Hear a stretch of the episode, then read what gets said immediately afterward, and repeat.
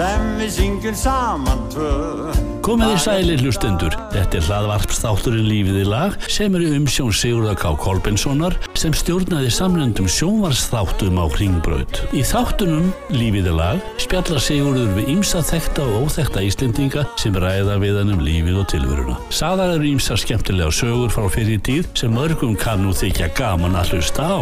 Þátturinn Lífið í lag er sendur út vikulega og styrtur af ferðarskrifstofu eldri borgara og hótelbókunu.is og hér er stjórnandi þáttarins Sigurður K. Kolbensson Gjör þið svo vel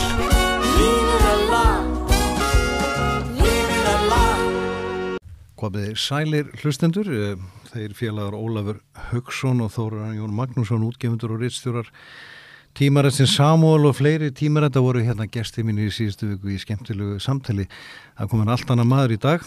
Hann heitir Einar Bollarsson, landskunnur Íslendugur. Einar velkomin til mín í laðarpið. Já, takk fyrir. Heilsan þokkalega, þú varst að jafna þess eftir COVID. Já, Ha, Já, hvernig, hvernig já. fórst út úr því? þetta var svo sem ekkert nema bara svona smá flensa í tvo-þrá dagan. En, en þetta er svona smá slappleiki á eftir. Þetta er nú bara tvær viku síðan að ég fekk þetta, sko. Já, varst það að fá í annað sinn kannski? Nei, nei, Nei, fyrsta sinni. Já, já, akkurat. En ára leiti heilsan þokkaleg? Já, já, Sko, þinn stærsti ferill og að sko, fólk þekkir þú í ýmsum áttum en uh, uppalega náttúrulega korubólta hitti á landsleismæður og, og allt það úr, úr uppalega úr íjar eða ekki og síðan úr jú. byrjar íjar Já, ég byrjaði að æfa þar því ég byrjaði ekki fyrir ég var 15 ára gammal. Það þykir náttúrulega þessu guttum í dag ansi seint sko sem byrja flestir sem 6 ára. Já, En ég var alltaf í sveit og svona og þekkti ekkert nema fótbolta þannig ég byrjaði bara 15 ára í gamla írhúsinu við Tungötu sem að núna er á Árbæðasafninu. Íþróttúsið komið að árbæða saman Já, já, fyrir nokkrum árum. ok Og þá var engin köruboltadeild í, í Káur. Nei, nei En svo árið eftir að þá stopnuðu þeir köruboltadeild og uh, en þá var ég komin í annan flokk og mistralflokki og ír og, en, og komin í mentaskóla en sleit svo krossband og var frá í nokkra mánuði og þá hérna skipti ég yfir í, í nýstopnaða köruboltadeild Káur þeir voru á öðru ári. Þar voru nokkri svona þekktir menn fyrir og síðar ásand þér það var ekki, voru ekki, er ekki einhver, einhver nöfn þar sem að hérna við getum talið til sem voru meðri í körfinni þá, í þá, þá daga? Já, meinaru í... í KR, Í KR. í nýstofnari KR Jú, jú, þeir, þeir voru náttúrulega þeir sem eru nú þekktastir sko Kolbett Pálsson og Gunnar Gunnarsson og Kristinn Stefánsson og fleiri þeir voru náttúrulega tveimur og yngri þannig að þetta voru bara voru smá peyjar. krakkar sko peyjar þegar ég kom yfir en, en þeir voru nú fljótar að gera sig gildandi Já, já. Einar, ég held að ég muni eftir þér, sko ég var nú ekki, ég hefði meira á handbólt og fótbólt eins og margir og, uh, voru, og eru vantilega aðeins vinsall íþróttagreinar en ég fór á úslitaleik K.R. Valur, var ekki síðasti leikurðinni í lögatarsöld Jó, í, það 79, geta það passað? 79 Já, full höllin annars alveg tróðfull eh, og verður það met verður aldrei slegið fjóðus manns. því að þarna voru yfir 3000 manns og, en það má, mátti svo ekki lengur síðan voru pallarnir teknir og sæti sett í staðinn Já, efri hæðinni sko þannig að, að þetta var sko algjörn met í, í körbólta en til, marsum hversu mikill áhug var á þessum árum eh, til dæmis fyrir handbólta að þá voru kannski leikir eh, valur, vikingur eða FH vikingur gamla mullingsvilin og þeir allir. bara svona innan eh, sko bara á þess að vera neina úslitaríki bara uppselt. Já, þannig að þetta var nýtt fyrir okkur og, og var alveg stórkostlegt. Ég hef búin að gefa út að þetta er minn síðasti leikur og, og hérna og þótti náttúrulega mörgum eh, sko komin tími til. En þarna var ég samt ekki nema 35 ára.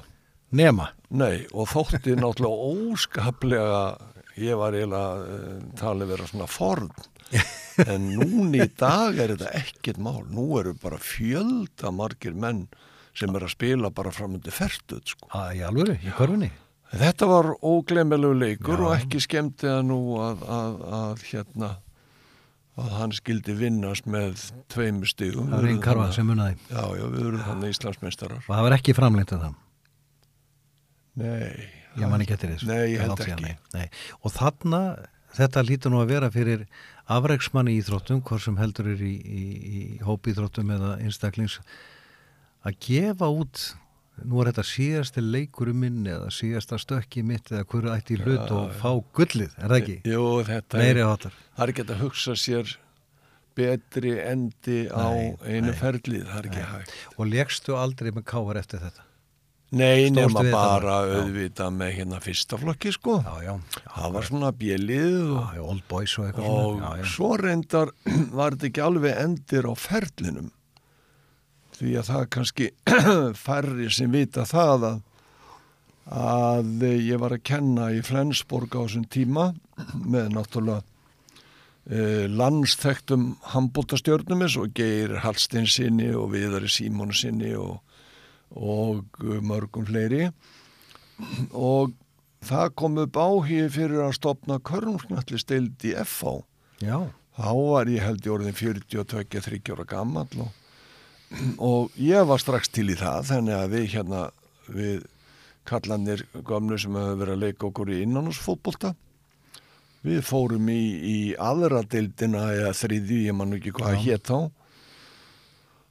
Og uh, stóðum okkur bara afskoti vel.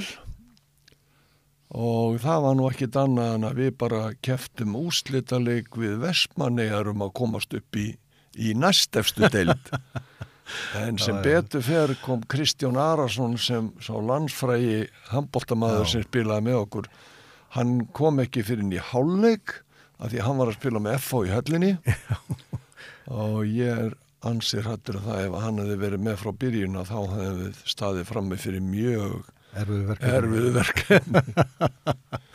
þannig ég endaði minn feril hjá FH skemmtileg saga en, en sko hafnafjörður uh, já þú ert búin að vera þar lengi er það ekki Jú, það má segja það að ég, ég hérna byrjaði að kenna í Flensborg uh, höstið 68 já Ertu mentað barnaskóla kennari? eða? Nei, nei, nei, nei, nei. Ég, ég hérna uh, var nú kendi dönsku, uh, aðeins ensku líka já, og uh, kendi þarna má segja bara linnulaust. Fyrst var þetta í, í svo kallum gagfaraskóla eins og hétt.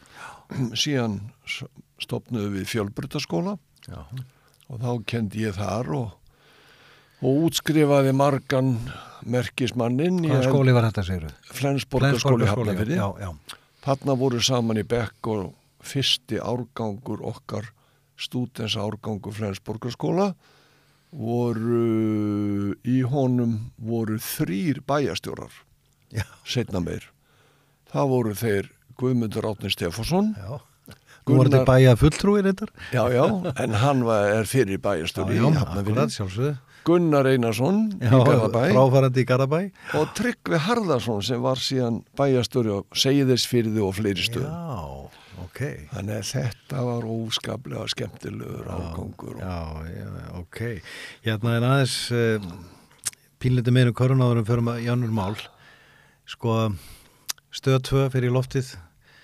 Núna um þessa mundir eru, eru komin sko það var 1986 þannig að það eru 30, hvað 7 7 ár, eða 36 ár fyrir ekki 36 ár og, og um, við áttum hann smá samstarf, ég var hann starfsmæður og, og, og þú ferði í riður ákvæmna braut á samt heimi Kalsinni, þá ungum manni í að, að fá útsendingar frá bandarækjunum á NBA og sem var til þess að við fórum þetta í dátir skemmtilega ferð saman til Chicago í gömlu Chicago höllina betur. Bulls, segja okkur hvernig reynslaði var að þessu Já, þetta var allt saman mjög skemmtilegt en, en það er náttúrulega ekki hægt að minnast á Köruboltan og stöð 2 örvís en að nefna uh, landsþektan mann uh, Jónas R. náttúrulega einn af okkar frægur okkurum hér á árum áður og Flowers og, og, og. Flowers og, og þarna var hann Dasgrárstjóri þá, Já. já. og hann lappaði sér bara inn á aðalskrifstofu NBA í New York og bara spurði hvort það var ekki hægt að fá hann var engi korrupólt aðdánd en Nei, nei, hann bara uppgötaði þetta uh, út í bandaríkjunu, þetta var mjög vinsælt Jónas kom þessu á. Já, já, það var Jónas sem náði þetta. Og það var nú ekkit annað en stöð 2 var þriðja sjónvastöð í heiminum fyrir utan bandaríkin til þess að taka upp sendingar á NBA. Bara beinar útsendingar. Nei, þetta var reyndar ekki beint til Nei, að byrja með sko. böndum. Já, Já. já, En við nutum þess alla tíð síðan. já. Þegar við vorum að fara í stjörnuleiki og svona, að þá voru við alltaf settir á fremsta bekk. Já, og þarna í þessari ferð er farið að til þess að sjá eina eða fyrsta evróska leikmannin í NBA-dildinni, Pétur Guðmundsson.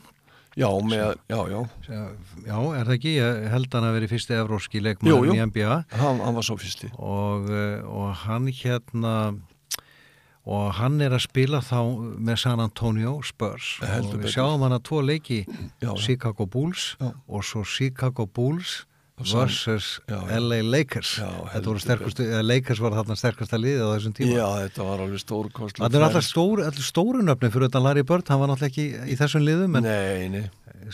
hvernig, Þetta var náttúrulega, þarna voru við vita Magic Johnson og, og Jabbar og, og ég veit ekki hverjir í þessu leikisliði.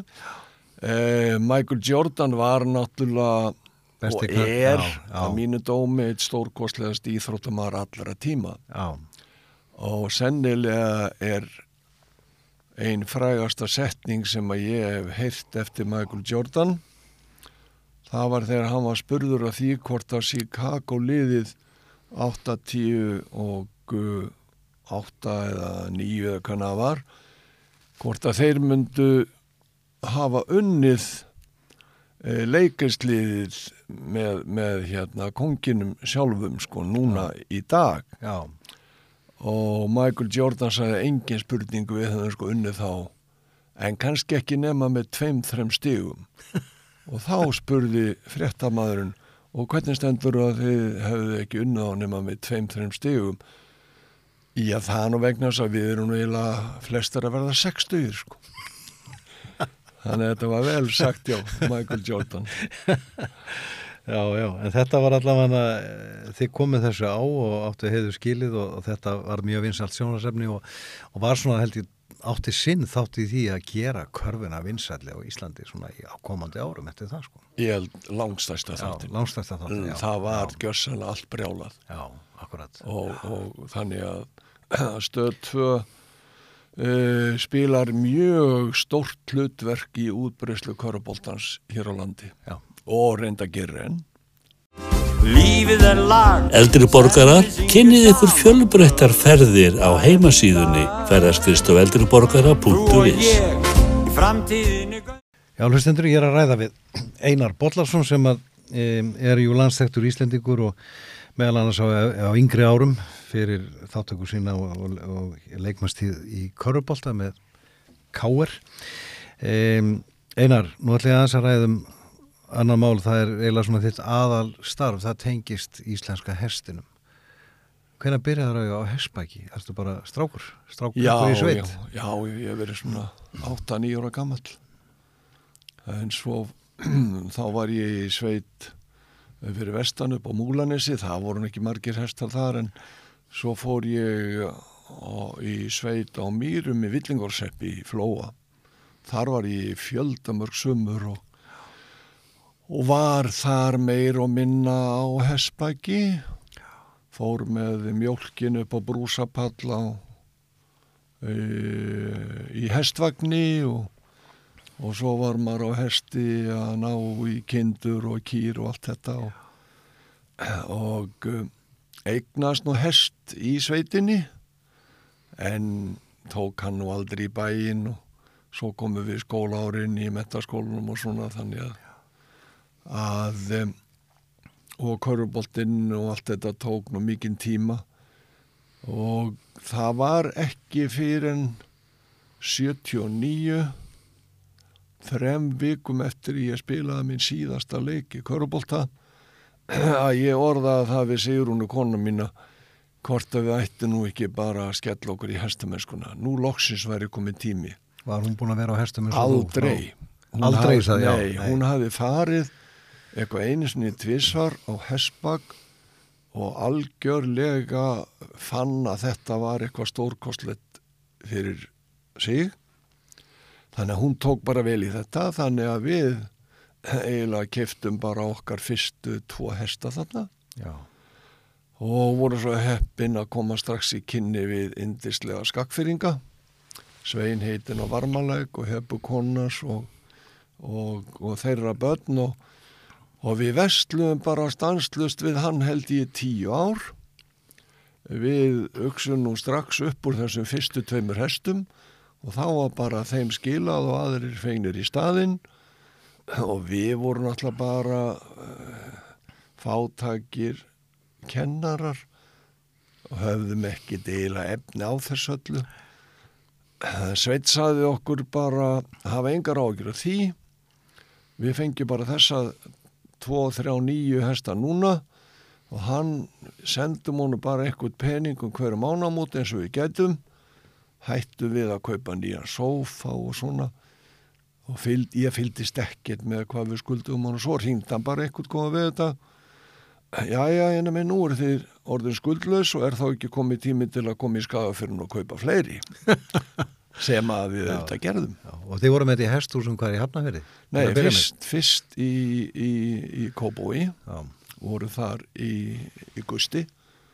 Alveg indislegur staður að vera en við förum ekki í Hafnafjörð fyrir en að við stopnum Ísesta Já, segð okkur, íshestar, þetta já, hefur verið eitt leiðandi og eitt stærsta hestaferða, hvað við segja, þetta er, er ferðarþjónustu fyrirtæki sem að gerur út hesta og leigir eh, elendu ferðamönnum, eh, bæði í hóbreðar og annað. Hvernig, hvernig er fyrirtæki stopnað? Það er sko stopnað 1982 og það er aldrei sérstök og skemmtileg saga að segja frá því að, að Helgi Ágússon sem að þá vann í utarkisrándinu að setna bæri sendiherra með Ká- hans í káringur með meiru. Já, mikill káringur og Köruboltamaður, formaður. Korunastildarinnar og mikill vinnu minn. Mikill hann, ringir í mig og segir að aðmirállin á geflugluflöðli og kaftinni þar og einhverju uh, vinnafólk langi svo mikið að fara í hestaferð og ég ringdi náttúrulega í Guðmund Birki Þorkesson sem er svonur Þorkes Bjarnasonar fyrirhandi Rossa Ræktaráðunuts og mikill hestamaður og uh, spyr hann hvort að hann sé ekki tilbúin að koma í ferðina með sína konu. Honu var í bóðið eins og okkur en hann er að taka með rífulega fjölda hestum sem hann auðvitað og gerði og við fórum þarna í þryggja daga ferð og, og þeir borguðu allt hótel og allan mat og þetta var alveg indislega gaman. Og svo sittum við heitu pottunum út, í, út á hótelun og flúðum. Og þá þá heimta þeir að fá borga fyrir ferðina. Og við heldum nú ekki við varum búin að lifa þannig eins og kongar en sættist nú á það að þeir fengi að borga 1 dólar á mann því það sko þeir, þeir urðu að borga Já, bara svona eins og að þú gefur manni nýf. já og þarna og þá sögðu þeir hvort að við varum ekki tilbúin að fara svona í alvöru hestaferð næsta ári og helst svona í, inn á Hollendið ef að þeir myndu koma með svona hóp með sér og við Birkir fórum aðeins að spá í þetta mál þannig að það má segja að Ísestar hafi verið hugmyndin að Ísestum hafi fæðst í heitu pottunum á flúðum. Já, akkurat. og síðan fór bara boltin að rúla og Birkir var ásand því að vera kennar á lögvatni þá var hann líka bóndi í middal sem að prentarennir eiga og áttu. Sko þegar hann svolítið síðan þeir seldu fyrirtæki en það kom kannski á aldur við það og kom að því setna en þetta var heilmikil stöð og er þarna í hvað, sunnaverðum hafnafyrði eða hvað segir maður, sunnaverðum, já. Um, hvað var það með mörg hross þegar að mest var? svona í rekstri. Já, þegar að mest var þá sennilega verið með svona í kringum 1000-1200 hesta. En þetta hljóma nú náttúrulega rosalega mikið en eh, við vorum yfirleitt með svona 100 til 120 hesta í Hafnafyrði en síðan vorum við með sko bændur út um all, hringin í kringu landi sem voru verktakar. Sem fóðruðu fyrir Já, sem að nefnir bara ráku sína stöðar Já, og, og við komum bara með farþegana til þeirra Já.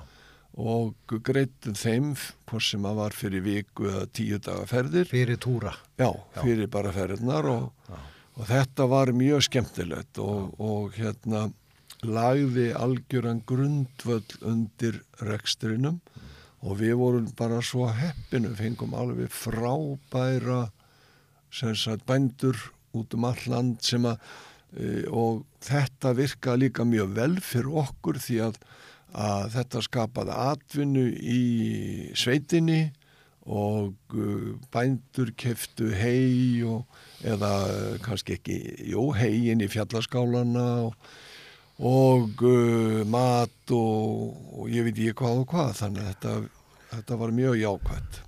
Sko, mér langar aðeins að spyrja út í þetta. Ef að maður allar í hópferð í dag, segjum til dæmis, til e, Skotlands eða Kaupanarnar eða eitthvað, og hann er í hóp og hann kaupir pakka, það er flug og það er hótel og það er skoðanaferð og það er farastjóri og það er allt tilgrænt sem er inn í fælið. Ég gerir að vera svolítið öðruvís að kaupa sér hestamannaferð. Jú, þú kaupir þér flug og gistingu og svo kaupur einhverja vöru sem þið þróið og svo getur allt breyst eða ekki. Þetta er veðri og ástandi hestana og segja okkur svolítið, við urðið fyrir einhverjum óþægindum út af þessu. Já, eina skipti sem við verðum fyrir smá óþægendum það var þegar Hestavíkin kom hérna upp 1970 nei uh, hvernig var þetta? 1998 Já. að þá var ég í miðri hestaferð þegar að, að, að Bjarni vinnu minn Viljáns á Húsavík kom inn í herbyggi til minn og sagði með tárin í augunum og sagði að hestarnir væru allir að veikjast og þá voru nú góður á dýr sko þannig að við sem betur fer átt, áttan til ennþá 20, 22 hesta þannig að, að við gátum riðið heim í, í Saltvík þannig urðum að sleppa einu degi.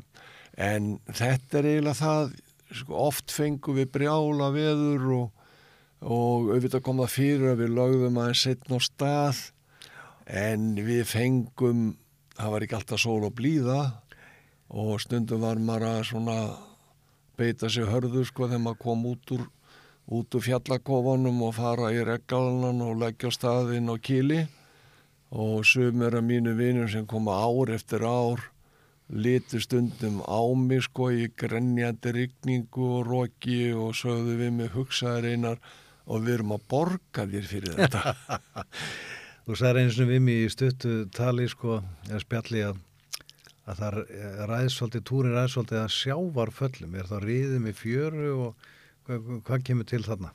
Já, þetta eru einhverja vinsalistu ferðin okkar á, á Snæfisnesi þar sem að við höfum verið með indislu hjón Sigur og Ólofu á Stóra Kalvaleg og Mýrum.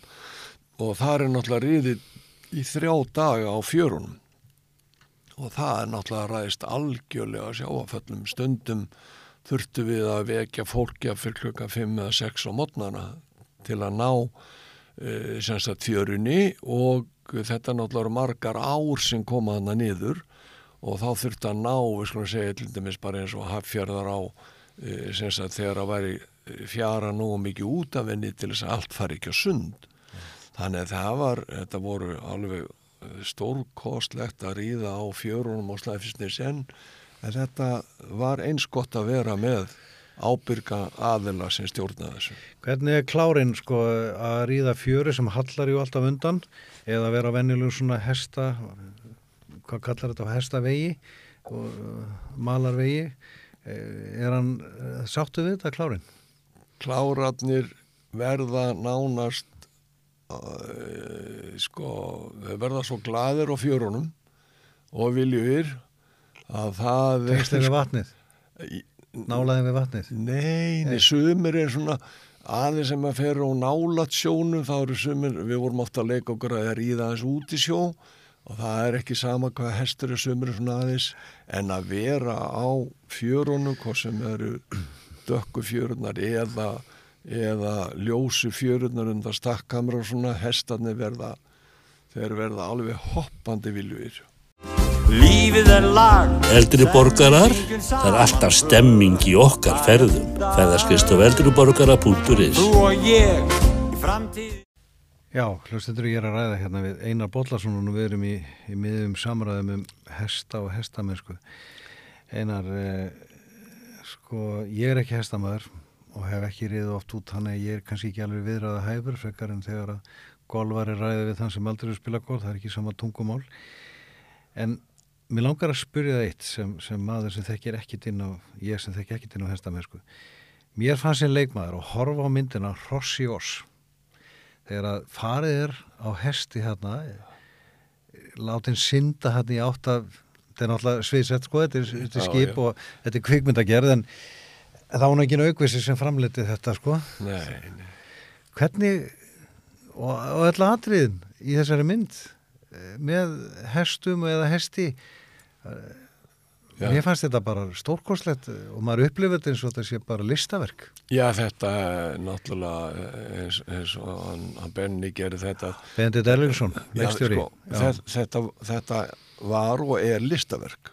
lítur að vera á heimsvísu sko Ég engin spurning en það sópaði þessi mynd á sér velunum út um allan heim og, og myndatakan þarna þvílit og annað eins og og náttúrulega því að minnist á þegar hesturinn synd út í sjóin þetta er náttúrulega þetta er engur Syndir með manninn að skipinu. já, já, þetta er náttúrulega engur lægi líkt sko og, og það sem er nú kannski fyndnast af þessu öllu er það að, að, að þetta var náttúrulega ekki takt að kalla taka 1, 2 og 3 Nei, þetta var Seg- bara hefnast segir ekki testunum að synda aftur Nei, þetta var alveg stórkostli Já, mynd þetta var, þetta var hádramatísk mynd og ég horfði hana tvisur og geti séð hana aftar bara fyrir það eitt að hún er mikið listaverk sko. Ég tala nú ekki um þegar Yngvar E var á, var á merinni og, og grattin kom.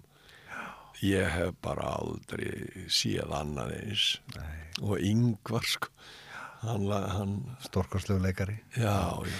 en, og aftur spyr ég um út í, út í mann sem þeir veit allt um hesta hvernig dýr er hesturinn, hversu greindur er hann í samanbyrði við önnur dýr ég er ekki, umgenst ekki mikið dýr og var reyndar aldrei í sveit en hef svona vaksandi áhuga á dýrum hversu greindur er hann?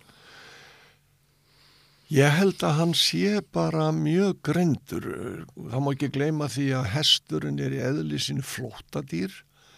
Hann er mikil, mikil hjarðdýr, eh, vinir eh, hesta sem alast upp saman verða vinir fyrir lífstíð Er það þannig? algjörlega og jáfnvel þó að að maður stundum lent í þessu að, að, að maður tekur kannski nokkra af sínum hestum inn í hestús uh, í kannski desember og hefur þá hestúsi fram að vori en skilur kannski einhverja tvo, þrjá eftir á útigangi og gjöf hjá bóndanum. Og uh, maður er margótt upplifað það að fyrstu tvo, þrjá dagan í hestúsi þá er þessi sem á vinn sem var skilin eftir hann er neggjandi og leitandi út um allt og, og fagnaði fundirni þegar hittast aftur um Hvernig lýsa við, er hann að svona að Já, hoppa þeir, já, þeir og- stökkva til já. hvers annars og svo byrjar að, að, að, að klóra hver öðrum með tönnunum og, og sko vinata hesta er alveg sérstök og, og það sem meir er að hesturinn þekkir þig og hann þekkir röddina þína og uh, þannig að þú getur kallað á hestin en, en hesturinn er líka mjög tilfinninganæmur. Að hann sko uh, hann verður að finna uh, tröst hjá knapanum. Þannig að, að ef að knapin er sem órólegur eða hrættur að þá finnur hesturinn það og þá getur hann sko tekið upp á einhverju hlutum sem hann annars myndi ekki gera vegna þess að, að, að, að hann, hann, hann verður að finna tröst hjá knapanum. Og, og svona bara aðeins talandi um greint hesta þegar maður hefur horstendum á verðluna afhendingar og síðan svo Sigurbjörn var að taka þetta við ótal byggurum og fleira og, og allt og þeir standa náttúrulega knaparnir við, með byggarana við hlýðan á hestónu sem er náttúrulega unnu laupið já, já. fyrst og fremst um, heldur að hestarnir gerir sér grein fyrir það sem vera að heyra á þá Ég skal ekkert segja það, ég hef nú ekki spurt á nákvæmlega Nei. því en það er sko, þeir gera sér alveg ef ert að tala um, um sem sagt kappriðar Já, og reyndar gæðingakeppni sko, þeir gera sér alveg grein fyrir því að þeir eru að keppa. já Það er engi spurning. Sko kappriðar hér á landi, íslenski hesturinn hefur náttúrulega sérstöðu í heiminum, bæði varandi náttúrulega fótatak og annað og, og líka svolítið líkansbyggingu vegna þess að það vill nú svo til að ég hef einu sinni verið bóðinn á Ascot veðræðarnar í Breitlandi. Þar sem hennar hátek, nýláttinn, Elisabeth Önnur, Breitadrottning var stödd, þetta var árið 2006, mann eftir þessu og allar konur með svo stóra hatt að það sástu allar á völlin. En mér fannst þetta svakalega, hvað var að segja, hestarnir, þetta er náttúrulega veðlöpa hestar og þeir kosta miljónir sko. Og, og veðmálinni skipta alveg hundruð miljóna. Engi Og það eru, það eru, ég veit ekki hvað voru margir áhendur. Stóri dagur og, og svolítið hátíða bara verið, en mér fannst hestunum bara, ég líki nota orðið nöðgað en þeir var svolítið uh, píndir áfram. Eh, Hvernig, er á, hvernig finnst þér þetta? Hefur komið á svona veðræðar? Já, já, að reyndar ekki á askotan ég, ég kom á þarna hennar fræga völli í Kentucky sem heitir Churchill Downs þar sem þessar fræga, fræga hlauper Kentucky Derby og sá þetta daldið eh, ég, ég veit ekki alveg um það en hins vegar veit ég það að þeir eh, hesta sem eru að keppa eru sko langflesti mjög ungir. Og þetta er langflestir eru sko sem sagt e, grattar eða ógeltir. Já. en þannig er byrja að temja þá bara á, á öðrum vetri sem er algjörlega óþekkt hér heima. Hérna er byrja að temja hesta kannski svona á fjórða vetri eða jáfnvel fymta og e, sagan Já, segir líður svo langur tími. Já, já. ótemjur þangað til. Já, hérna áður fyrr var, er almennt talið að bændur hafi ekki byrjað að temja hesta fyrir svona á sjötta og sjönda vetri. En þannig er náttúrulega byrjað að, að, sko, að gera hesta svona rólega fyrr. Já. En, en e, kappreðar, það eru margir sem, sem sakna þeirra og ég man eftir því því ég var lítill polli að fara hana inn á, inn á gamla fóksvöllin og, og horfa á kappreðar, þetta var alveg svakalega flott. Það segir mér hana, ég hérna, hennum, eins og þú ferðast við um heim og hérna, en stærstu hestar sem ég man eftir að vera séð var, eh, var hestar sem að sem að, hvað ég var að kalla það, ekki lögreglan, þetta var í Sydney í Ástralíu, svona heiðus öryggis vörður eitthvað. Þeir voru svo stórir þessi hestar, svo lappalangir, að mér, ég veit ekki hversu mikið starrið þeir voru heldur en normal íslensku hestur en og eins og bara maður sér þessa konunglegu hesta í Bretlandi sem hafa nú mikið verið í sjónvarpinu undanferðið þetta eru talsveg starri dýr, það ekki? Jú, jú, jú, jú, það er náttúrulega margir hestar þarna mjög stórir og mörg hestakinn en íslenski hesturinn er náttúrulega stækka mjög mikið og það gefur auga leið að ég þurfti náttúrulega að velja mér yfir litt stóra hesta en það sem að kannski færri vita að hinn upprunalegi og svona ekta arabíski hestur hann er ekkit mikið stærri heldur en stærstu íslensku hestanir Okay. en e, arabísku hestanir í dag eru náttúrulega orðnir margir hverji blandaðir og svona en, en, en e, íslenski, það er ekkit allir ánæða með það að íslenski hesturinn sé að stækka svona mikið Nei. því að við það að stækka svona mikið þá er hættan á að, að hann missi svona þessa mýkt og, og þessa fimmni sko. Lífið er lag Eldri borgarar, lífið er ekki bara lag, það er einnig ferðalag. Kynnið ykkur sérhefðar ferðir okkar á heimasíðunni ferðaskrifstofa eldriborgara.is Símin er 783-9300 Símin er 783-9300 Lífið er lag Já, hlustendur, þetta er hlaðarpið um, Lífið er lag, ég heiti Sigur K. Kolbensson og ég er að ræða hérna við Einar Bollarsson og við erum búin að vera mest megnis að ræða um hestamennskuna sem hefur, hefur svona verið stærsti partur á hans lífi, hans ferli fyrir utan alltaf að vera öflugur körbóltamaður á árum yngri. En Einar, nú ætla ég að fá að spyrja það út í svolítið erfitt mál. Lífið gengur við bylgjum í okkur öllum og, og sem er tappa hils og aðri tappa ástunum og sem er verið fyrir áföllum og annað. Þú upplifir það sem bara rúmlega 30 maður að laurglan kemur í heimsáttíðin eitt morgun. Neppir því varðald það ekki Jó, jó, það er náttúrulega, það er nótt sem aldrei gleymist. hvernig er að verða tímann. fyrir því vera vakin að lauruglu snemma mótni og konaði með liðin á þér Já, sko, þetta var náttúrulega bara svo mikið sjokk og... vissir ekkert hvað var að gerast Nei, nei, og þetta var svo mikið bara, uh, við verðum svo undrandi hvað, hvað er eiginlega í gangi og uh, þannig að, að ég hafði eiginlega bara engan tíma til þess að, að, að verða reyður en eitt, ég var bara uh, svo undrandi, ég, ég, ég tekka fram að, að það var ekki þannig að að, að maður var settur í játn en þetta er mjög kurteisir og, og ég eiginlega skildi bara ekkit hvað er í gangi og, og uh, síðan er farið með mig inn í einhvert hús sem að ég náttúrulega vissi svo setna var, var síðumúlafangelsið og þannig að það var sóttur heimtíðin já. beðnum að klæða þig Já, já. og koma með þeim Já, og þeir höfðu vald til þess að taka þið með sér en þau höfðu dómsúskur þar sem að, þú gast ekkit gert Ég, ég spurði ekki neitt Nei. að því ég bara, ég, ég held satt að segja að, að, að því þeir voru svo kurtisari, ég held satt að segja þetta var í spurningin um eitthvað sem ég hef verið vitnað eitthvað sko.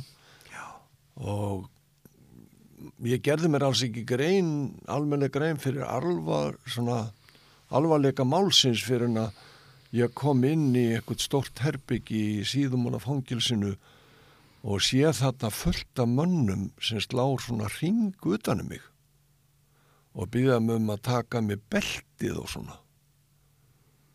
Þá allt í einu sko hva, hvað er eiginlega í gangi hér ég reknað með að þeirra að vera hann að daldi margir því að, að þeir voru sjálfsættu og öllu búnir að svona stór og mikill maður og ég var myndi brjálast hann inn í hann en ég náði því aldrei. Og það, það, það sem að var kannski förðulegast á öllu, já síðan var bara að fara með minn og hörðinni skellt aftur og þú bara settir í fangaklefa? Ég vissi bara ekki, já já, sem var bara einhver steiftu, steiftu bekku með þunnur í dínu og eitt stóll og eitthvað borð og, og, og bara ekki neitt neitt. Og um, það að ég varð ekki brjálar þarna aldrei það var síðan að notað gegn mér af þessum hérna sakadómurum og lauruglumannum að virti spenda til sko eh, sektar minnar. Að ég skildi ekki vera brjálaður þú verður farin að skammast þín þegar. Eit- eitthvað svolítið sko þannig að þetta er náttúrulega en var það ekki róðín vegna saklýsisins ef þú að þú vissir ekki neitt sko? Nei, ég vissi náttúrulega ekki neitt, Nei, neitt nei. Og, en, en svo kom náttúrulega góði vinnu minn sem var lokfræðingur Ingo Björnsson til mín og, og sagði mér sko bara hvað væri um að ræða og, og ég bara sko, bara hálf sko hlóðan hvaða ruggl er þetta Já. og uh, og síðan byrjaði bara yfir herra mig og spurja mig út í allsla sluti sem ég, sem ég vissi ekkert um og svona eftir á að, að higgja þá held ég að svona einangrun um, að setja mann í einangrun að þú þurfur ekki nema svona ég held þrjá, fjóra daga fer kannski aðeins eftir manninum að þá ertu eiginlega tilbúin að játa allt sem þú hefur bara gert í lífinu. Já, játa það að þú hafi stóli róum í einhverjum kálgarði á, á vestugötunni í gamla dag já, ég vissi bara ekkit hvaðan á mig stóð veðri sko. þannig að að þetta var náttúrulega alveg skuggalegt sko. Við erum að tala hér um eitt frægasta sakamál allar tíma á Íslandi gerfinsmáli sem á sér langarsögu, við ætlum ekki að fjalla um það sem slíkt en hvað var þetta margi dagar, voru þetta margi dagar sem þú varst neftur í þetta gerstluvarald? 105 105 dagar, yfir Já. þrýr þetta var Á hvaða tíma ársins var þetta? Manstu það? Já, já, já, ég gleymi aldrei deginu 27. janúar að hérna Þá ertu sóttur. en þann dag í daga þá rökkum við hjónin annarkort okkar upp um nóttina en þann dag í dag að því við vitum að það er 27. janúar alvöru? daginn eftir já, Þetta er svona. þetta er bara svona Var Og þetta klukkan 7 á mótni eitthvað svo liðs? 7 8? ég veit það ekki, eða, eða fyrr, sex eða sjö já, já. Já, þeir hafa komið á tíminn þar sem er, fólk er yfirlt ekki komið á fættur. Sko. Já, og það sem er nú kannski sko e, brjálaðasta í þessu öllu er það að, að, að sko gæslu varhaldið yfir mér og okkur sem voru neftiranninni var framlengt e, þrísva sinnum. Og alltaf kært til hæstaréttar og í annarskipti sem að það var framlengt að þá meiri sé að sko buður okkur að hérna ef við varum ekki að kæra þetta þá myndi þetta taka fljótt af sem að við náttúrulega lögðum enga trú á. En síðasta sinn sem þetta var framlengt þá var búið að fara með mér í sjónvarp rúf og sína einhverja svona, þetta snerist um hvar ég hefði verið einhvern ákveðin dag sem mann nú ekki lengur hvaða dagur var einhver staðar og þá hefði ég átt hugsanlega að vera í hérna dráttabraut suð með sjó. Og uh, og þannig að var farið með mig nýri sjónvarp og það var synda svona glefsur eitthvað úr því ég var búin að segja þeim að, að, að ég hefði öruglega bara verið heima hjá mér. Og um leið og kom einhver svona glefsur og þá bara mundi ég það sem ég horfði á í sjónvarpinu þetta kvöld og mann enn, það voru svona hálanda leikar þar sem menn voru svona henda stórum staurum Já, yfir og, og ég rakti bara meiri hlutan af myndinni. Og þá sagði þessi ágætti lauruglum aður við mig þegar hann keirði mig aftur upp í fangilsi nú trúi ég þér. Nú hugsaði nú trúi ég þér. Já, eftir 100 og daga, sko, nei, nei, já. ekki þarna, neini þarna að voru að já. þarna var sko eh, sem sagt, þá var ég búin að vera hann inn í í sennilega 70-80 daga 30 og ég fer inn á klefan og hugsaði fyrsta skipti bara þá alveg bara loksins eru þið búin að átta sig á hvers vittlis við erum búin að vera og ég fór bara að gera mig kláran og, og svo um morgunina þá bara kemur yngvar til minn og segir að þeir séu búin að framlengja um 30-40 daga og það var eiginlega eina skiptið allan að tíma sem ég algjörlega brotnaði sko. brotnar alveg niður það. Já, það var alveg ríkalett og, og sko, Hvernig voru samskipti við konaðin og börnin? það var enginn nema hún fekk að skrifa mér Hún fekk ekki að koma að hitta, þú hittir ekki konaðin í 105 daga. Nei, nei, nei Ég fekk, hún skrifaði mér tvis og þrissvar í viku Og það var allt rétt skoðað? Já, já, já Fækst þú að skrifa tilbaka? Nei, nei, nei, þetta var náttúrulega alveg fá Ég fekk engin blöð eða neitt Þetta er bara síberju píning. Já, bara, Verra. bara einhverja bækur sem Já. voru svona keirðar á vagni en, en ég teka samt fram að, að allir fangaverðinir þarna að síndu mér aldrei neitt nema fulla kurtisi og, og ég sá það náttúrulega strax sérstaklega frá tveimur að að þeim að fara að líða verulega ill út af þessu því að þeir voru löngu búin átt að sá hvistlas vittlisgangur væri þarna. Hvernig var maturinn þessa þrjá mánuði? Ah, ég man ekki Nei, þetta, ég held nei. að ég held að ekkit verið maður nú hvað sem er í æsku og vestugutan verið ekki matant. Nei.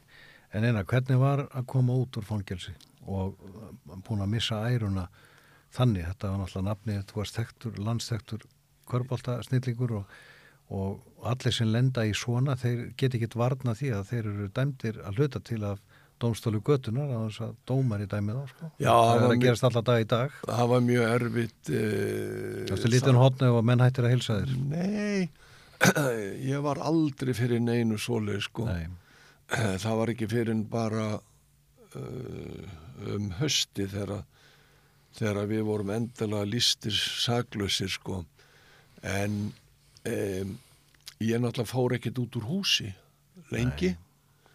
En náttúrulega mínir vinir úr káur og samkennarar og jafnvel gamli nefnendur keftust á að koma heim og fá mig í smá gönguferðir og svona já, en e, svo náttúrulega en, en e, þú nærðir aldrei eftir svona. Nei, og ég man allt eftir þessu í mörg mörg ár. Og það eimir ennþá eftir að þessu. Að ég var alla tíð svona mjög örugum með mig og var aldrei neitt að þó ég væri svona stór og hár og svona var aldrei að spá ég það hvort að einhver var að glápa á eftir mér og svona. Og ég oft tekið svona dæmi á gömla súlnasalnum og sögu sem var nú vinsall í gamla dag og maður fór nú oft.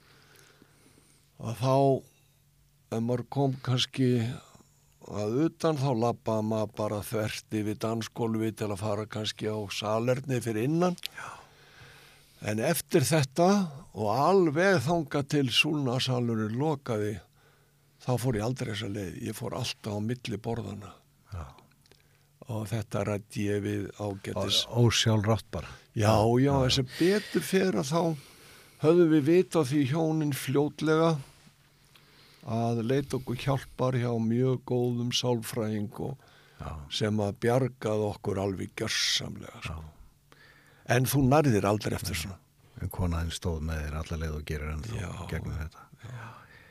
Einar, þetta er, þetta er raunarsaga sem ég ætla ekki að þreita þið lengur með. Ég hérna þakka þið fyrir að koma hérna og vilja aðeins dreipa á þessu vegna þess að þessir stættir og þessi vitt til mín eru minningar sem verða til reyðu um ókána tíð fyrir yngri kynnslóðir og um, það er því miður þannig stundum að menn hafa lent í því eins og þú að vera neftir af, um, af, lög, af, af lauruglunni í varðhald af ósegju en reynsla þín er að þessu er kannski dýrmætt sem saga sko til, til annara kynslu þannig ég þakka að kella fyrir að, að vilja að hérna ljá máls að þessu.